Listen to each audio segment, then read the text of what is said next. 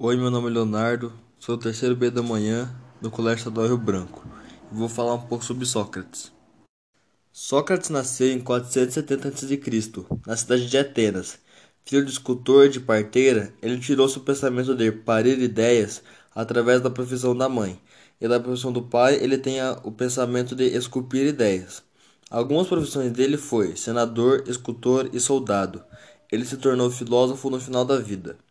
A missão de vida dele, que ele acreditava, era ajudar as pessoas a encontrar nelas mesmas o caminho da virtude. A pergunta que Sócrates se fazia era: o que é a essência do homem? Para ele, a alma, a razão e a consciência era a essência do homem.